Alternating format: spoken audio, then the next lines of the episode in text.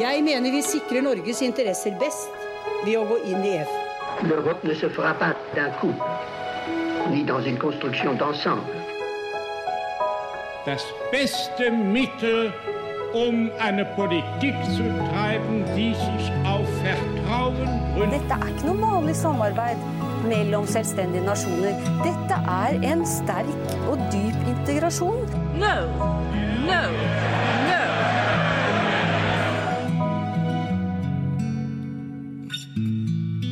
Velkommen til Det europeiske kvarter, en podkast om europeisk politikk og historie av Lise Rye og meg, Kristine Graneng. Og nå er vi tilbake i studio, Lise, for første gang siden jeg tror forrige episode var i starten av mai. Det kan godt hende. Det er ganske mye som har skjedd siden da.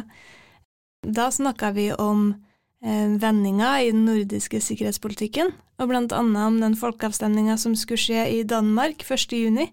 Det gjorde vi. Det gikk jo ikke akkurat sånn som vi hadde tenkt, eh, Kristine. Nei, det var et ganske overraskende resultat hvis du ser på, på eh, hvordan eh, resultatene av folkeavstemninga om, om de forbeholdene Danmark har hatt, eh, har skjedd tidligere. Absolutt. Og Danmark har jo hatt mange folkeavstemninger om EU-relaterte spørsmål. Jeg tror den her var den niende i rekka på, på 50 år. Og det endte altså med at 66,9% sa ja til å oppheve det som kalles forsvarsforbeholdet. Som Eh. altså er den største ja-andelen i, ei dansk folkeavstemning. Ja, det er det. Eh, I den første danske folkeavstemninga om eh, Eller EU-relaterte folkeavstemninga i 1972, så var det 63,4% som sa ja. Eh, Så der var det jo et mye klarere resultat enn i Norge, som også hadde folkeavstemning samme år. Men Ja, aldri har det vært så høyt. Mm. Eh, Men det er jo også andre ting som, som eh, skjer i EU, som vi også har vært innom, i, innom tidligere i podkasten. Vi hadde jo en episode om, om Ukraina sitt forhold til EU før krigen brøt ut. Og der har det også skjedd en, en radikal endring. Ja, det hadde vi. Eh, Nå i forrige uke vel, så fikk jo Ukraina og Moldova status som eh, kandidatland. Um, og det å være kandidatland, det, er jo, det er jo et skritt på veien mot EU-medlemskap. Det kan i alle fall være det, men det er jo viktig å understreke at det er ingen garanti for eh, medlemskap. Eh, Det er mye som skal skje på veien dit. Det skal, det skal forhandles kapittel for kapittel. Eh, Så vurderer kommisjonen resultatet av forhandlingene. Så må alle medlemsstatene og Europaparlamentet gi sin tilslutning. Og så skal alle medlemsstatene og kandidatlandet signere og ratifisere en avtale. Og det er ganske mange land som står i kø for å bli medlem i EU. Det er det, eh, og mange har stått der lenge. Eh, Tyrkia eksempel. Eh, Du har jo flere som ja, Serbia, Montenegro, Albania. Der åpner jo en, en diskusjon som har pågått eh, i lang tid, men som nå har fått ny kraft, kan man si, om hvordan EU skal se ut i framtida. Og det har vi også en annen eh, hendelse, eller eh, prosess, som også gjør, som vi også har snakka om tidligere i podkasten, og det er denne konferansen om Europas framtid, som ble avslutta nå i mai. Ja, den ble avslutta nå i mai, og det, vi venter vel at uh, Ursula von der Leyen skal legge fram de første konkrete forslagene i sin State of the Union-tale nå til høsten i september, vel. Men ja, eh, litt tilbake til det du sa om, eh, om utviklinga i EU, for det er jo en utvikling, det har jo vært en utvikling eksternt, selvfølgelig, med Russland sitt angrep på Ukraina og alt det det har utløst, men så har det jo hatt en utvikling internt i EU, hvor man ser at eh, utvidelsespolitikken er, har vært eh, mangelfull. Så begge de her utviklingene vil nok påvirke hvordan EU behandler kandidatland i fremtida. Mm, det, det har også vært mye som har skjedd når det er snakk om rettsstatsprinsipper i EU, og hvordan man følger opp det, med, med håndteringa av Ungarn særlig, da, og også eh, Polen. Og det er, i likhet med alle de andre tingene her, saker som vi kommer til å følge opp eh, eh, når vi kommer tilbake på høsten. Det, det er nok å snakke om. Det er ikke derfor vi har hatt en liten pause. Nei da, nei da. Vi, eh, vi tar fatt igjen med friskt mot til høsten. Men i dag så skal vi gå litt lengre tilbake i tid. Um, og vi har en gjest med oss i, i podkasten i dag. Men før vi introduserer den gjesten, så må vi si litt om bakgrunnen for hvorfor hun er her. For europastudier her på NTNU, vi har et samarbeid med EUs delegasjon til Norge. Fortell oss litt om det samarbeidet, Lise. Ja, det kan jeg godt gjøre. Altså, EU sin delegasjon til Norge er jo EU sin representasjon i Norge, som ivaretar de offisielle forbindelsene mellom EU og Norge. Og på europastudier på NTNU så har vi hatt et godt forhold til delegasjonen i mange år. Vi hadde for eksempel vår første studentpraktikant der. Eh, ja, det, det, er ganske mange år siden. Det var det aller første kullet med studenter på europastudier. Han het for Tymon Bugaiski, han som var hos delegasjonen. Men så har vi jo utvida samarbeidet eh, etter hvert, eh, og et nytt element det er denne prisen for beste oppgave i europastudier, som deles ut hvert år nå da, siden 2019. Og i fjor utvida vi til to priser, så nå har vi en pris for beste masteroppgave, og vi har pris for beste bacheloroppgave i europastudier. Og Dorthea Gradek, som kommer hit i dag, hun er årets vinner av prisen for beste bacheloroppgave i europastudier. Og Dorthea hun har skrevet en oppgave som har tittelen Fra tilpasning til medlemskap, en innholdsanalyse av Kase Kullmann Five og Gro Harlem Brundtlands parlamentariske diskurs i perioden 1988 til 1992. Velkommen, Dorthea. Tusen takk. Kan ikke du si kort hva du har skrevet om i, i oppgaven din? Eh, I oppgaven min så har jeg prøvd å liksom bringe ny kunnskap om ja-siden i europadebatten frem. da. Eh, og det har jeg prøvd å gjøre ved å se på en periode i historien eh, som er på slutten av 80-tallet og begynnelsen av 90-tallet, som formet eh, mye av den ja-siden som vi også ser eh, i dag. Eh, og det er sett på to aktører, som er Ap sin leder og Høyre sin leder, som er Kasi Kullmann Five og Gro Harlem Brundtland og hvordan de argumenterte da, for tettere tilknytning og tilpasning til EU, men på to ganske ulike måter. Eh, jeg tenker at uh, Før vi ser nærmere på akkurat uh, det du har funnet i oppgaven din, så må vi snakke litt mer om denne perioden. Hva var det som skjedde i den perioden som, som gjør at den er interessant å, å se på?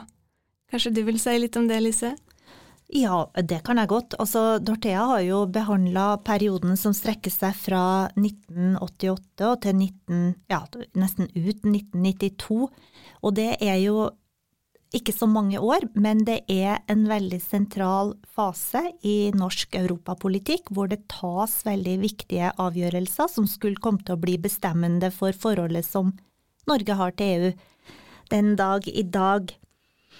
Og ja, eh, det er jo i denne perioden Jeg skal kanskje ikke gå inn på de enkelte debattene, for det syns jeg det kan jo Dorthea få lov til å gjøre sjøl. Men i denne perioden så eh, debatterer Stortinget viktige europapolitiske spørsmål ved, ved, flere anledninger, og det er jo de her debattene som eh, Dorthea har gått inn og, og analysert. Hvilke tre debatter er det snakk om? Eh, det er tre debatter som er i 1988, som er på en måte når Stortinget debatterer hvorvidt Norge skal aktivt tilpasse seg det eh, europeiske integrasjonsprosjektet som skjer på kontinentet. Eh, og den er veldig preget av mye uenigheter og mange kontroverser, spesielt på nei-siden.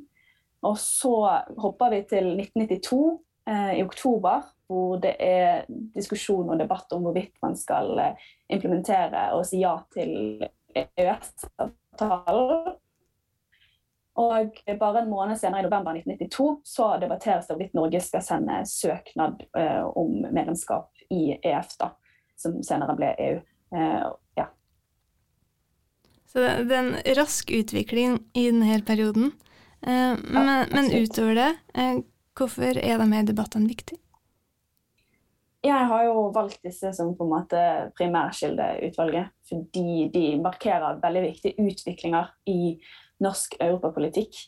eh, liksom i 1988 så hadde det på en måte vært lite oppmerksomhet viet til europadebatten siden folkeavstemningen 1972. Det hadde ikke vært noen sånn aktiv del av norsk politikk at man snakket om EU. Men etter denne perioden på en måte 1988 til 1992 vi ser en utrolig stor utvikling, fra at man bare snakker om tettere tilpasning til EF, eh, e til at man faktisk vurderer å sende medlemskap fire år senere, gjør jo at uh, temaet blir en aktiv del av norsk politikk uh, også i ettertid, selv om man ikke velger å gå inn i EU da, etter folkeavstemningen. Og det syns jeg er veldig interessant å se nærmere på. Nettopp hvorfor dette skjedde på en så kort periode. Og hvis vi skal si litt mer om hvorfor det her skjedde, vi kan jo også si litt om bakteppet for det her, Dorthea. Det er jo ikke ei utvikling som eh, som utvikles i Norge, hvis vi kan si det. Altså det, det, eh, det her, den debatten som vi får i Norge, den kommer jo som følge av det som skjer ute i Europa, hvor EF-landene nettopp hadde bestemt seg for å gjennomføre det som kalles det indre marked, og som som vi er knytta til i dag gjennom, eller som vi er en del av i dag gjennom EØS-avtalen. Så debatten i Norge og den norske tilpasningspolitikken kommer som et svar på en utvikling i EF.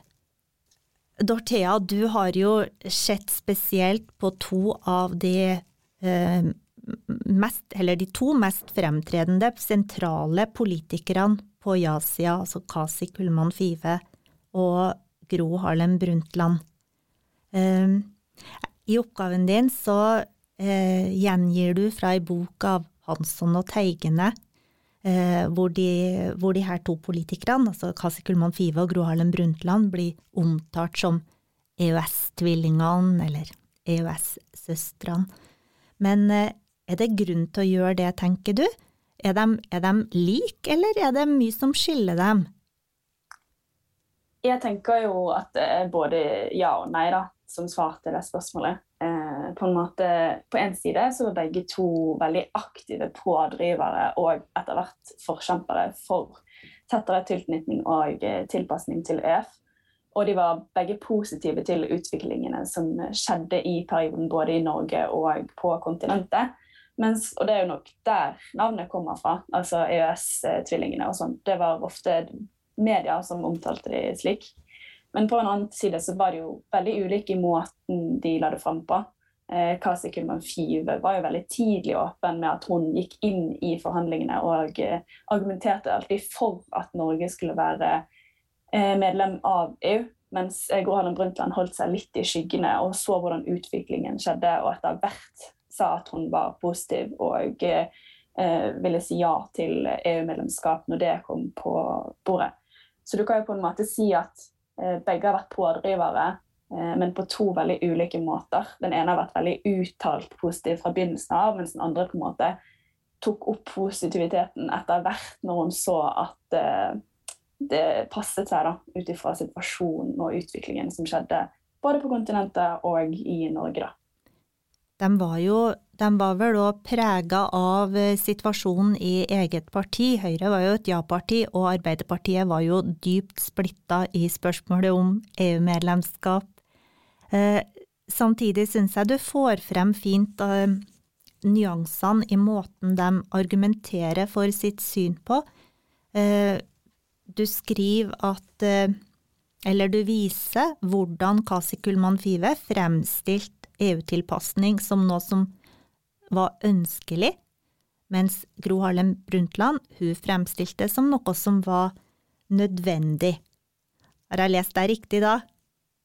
Det stemmer. Det er nok eh, sånn de gjorde det. Og eh, det var jo også, på en måte, hvis man kan si det på den måten, så var jo Kasi Kullmann Five på en måte opptatt av at et utgangspunkt fra vår historie var grunnen til at vi burde være medlem. Eh, så for henne var det et lett tidlig å si at det var veldig viktig å jobbe tettere mot EU, mens Gro Harlem Brundtland på en måte så det i fremtiden hva som kunne være positivt, og da måtte hun nesten også vente og se litt hvordan situasjonen utviklet seg. Så eh, enig i beskrivelsen du kommer med der.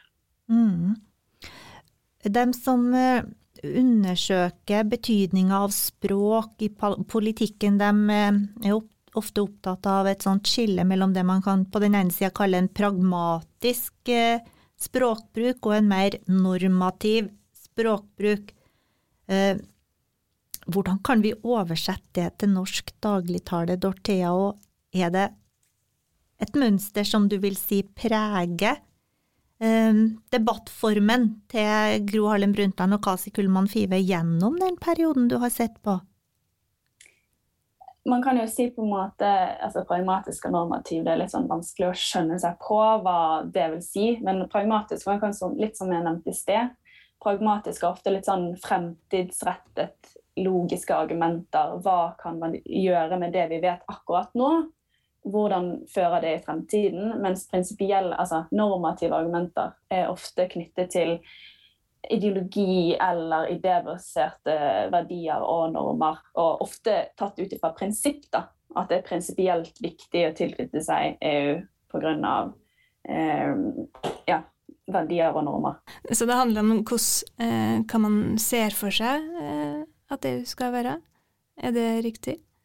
Ja, på mange måter. Om verdigrunnlaget til nordmenn og Norge passer med EU, eh, var jo det Kasi Kullmann Five mente. Eh, på den måten. Hvis du skal si noen ting, Dorthea, om eh, utviklinga over tid i den perioden som, som, du har undersøkt, blir de mer like, eller eh, finner du de samme forskjellene mellom de to gjennom hele perioden? det er jo interessant fordi jeg har uh, sett litt på det, og det virker som at på en måte uh, skulle man Five hun holder seg ofte til det normative eller det som er prinsipielt viktig, men hun blir på en måte mer uttalt på de prinsipielle verdiene over tid. Eh, mens begge to, og det samme gjelder Gro Harlem Brundtland for så vidt, at hun på en måte men motsatt. da, At hun begynner litt mer sånn eh, nyansert og balansert i forhold til spørsmålet. Klarer, vel, skal ikke liksom si med en gang sånn er det og sånn er det ikke med tanke på EU. Eh, men på en måte mer uttalt snakker for EU over tid. Og der er de like.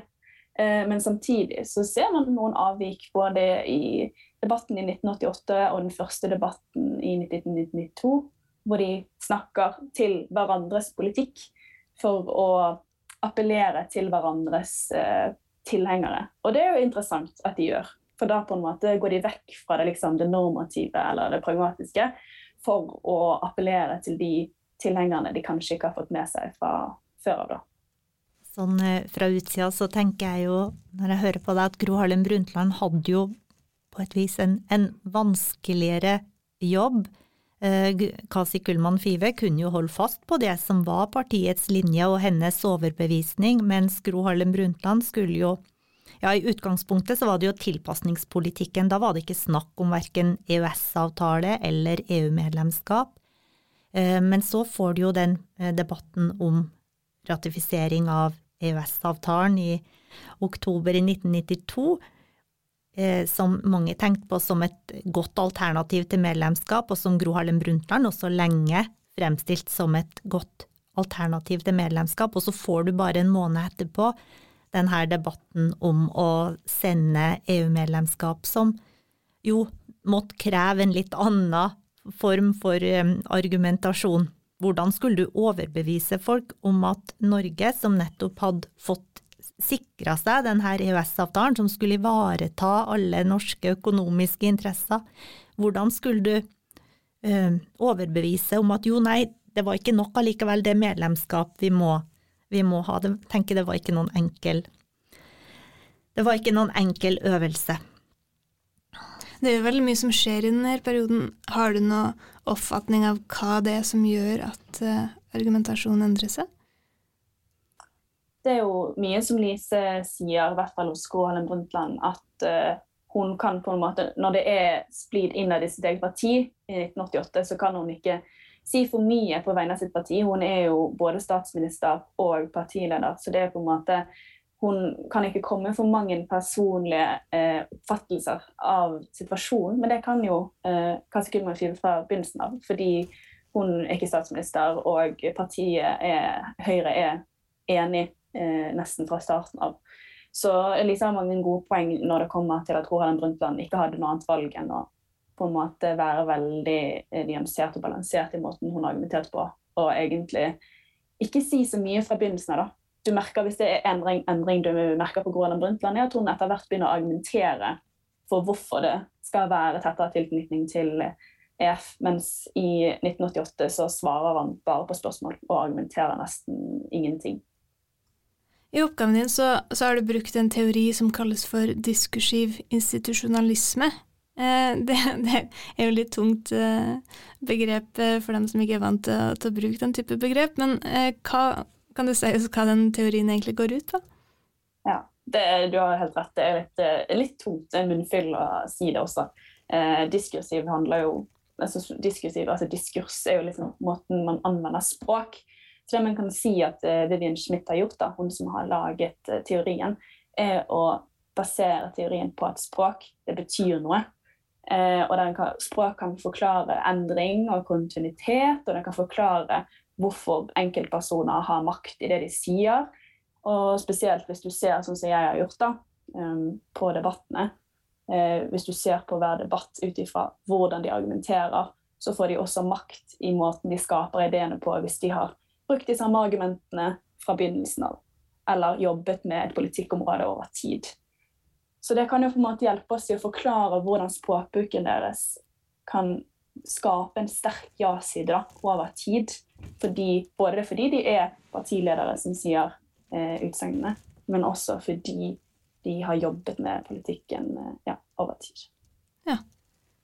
Du har jo sagt litt om hvorfor det er viktig at vi har den type kunnskap om ideer og tanker. Um, men hvis du skal konkretisere det enda mer i, i akkurat det du har sett på i din oppgave, hva, på hvilken måte er det viktig? Det er jo, teorien er jo nyttig for oss hvis man på en måte går litt vekk fra at den er litt tung av en munnfull å si.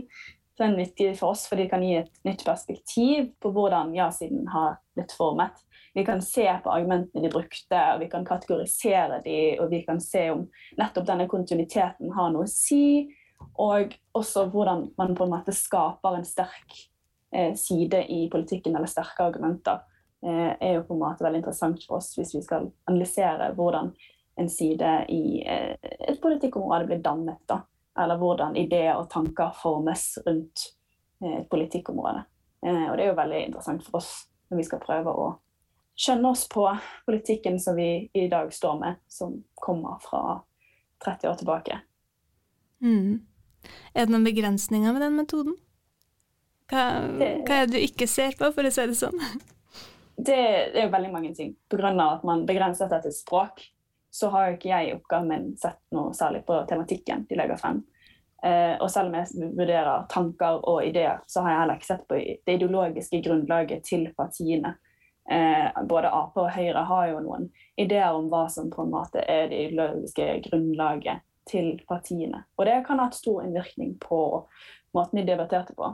I tillegg så så jeg ikke på andre debatter og utvikling av perioden. Vi vet jo at det er veldig mye viktig som skjer både på kontinentet og hvem som snakker for medlemskapet og imot medlemskapet etter hvert, eh, som har hatt mye å si for hvordan ja-siden har blitt formet. Eh, men det er en avgrensning jeg har gjort, da. Kan i hvert fall prøve å ta ett eksempel, eller dette isolerte eksempelet, og prøve å skape eller bringe frem ny kunnskap om hvordan noen aktører har formet perioden. Og det gjør jo også at det er enklere å, å gå videre senere, ikke sant? Og, og se f.eks.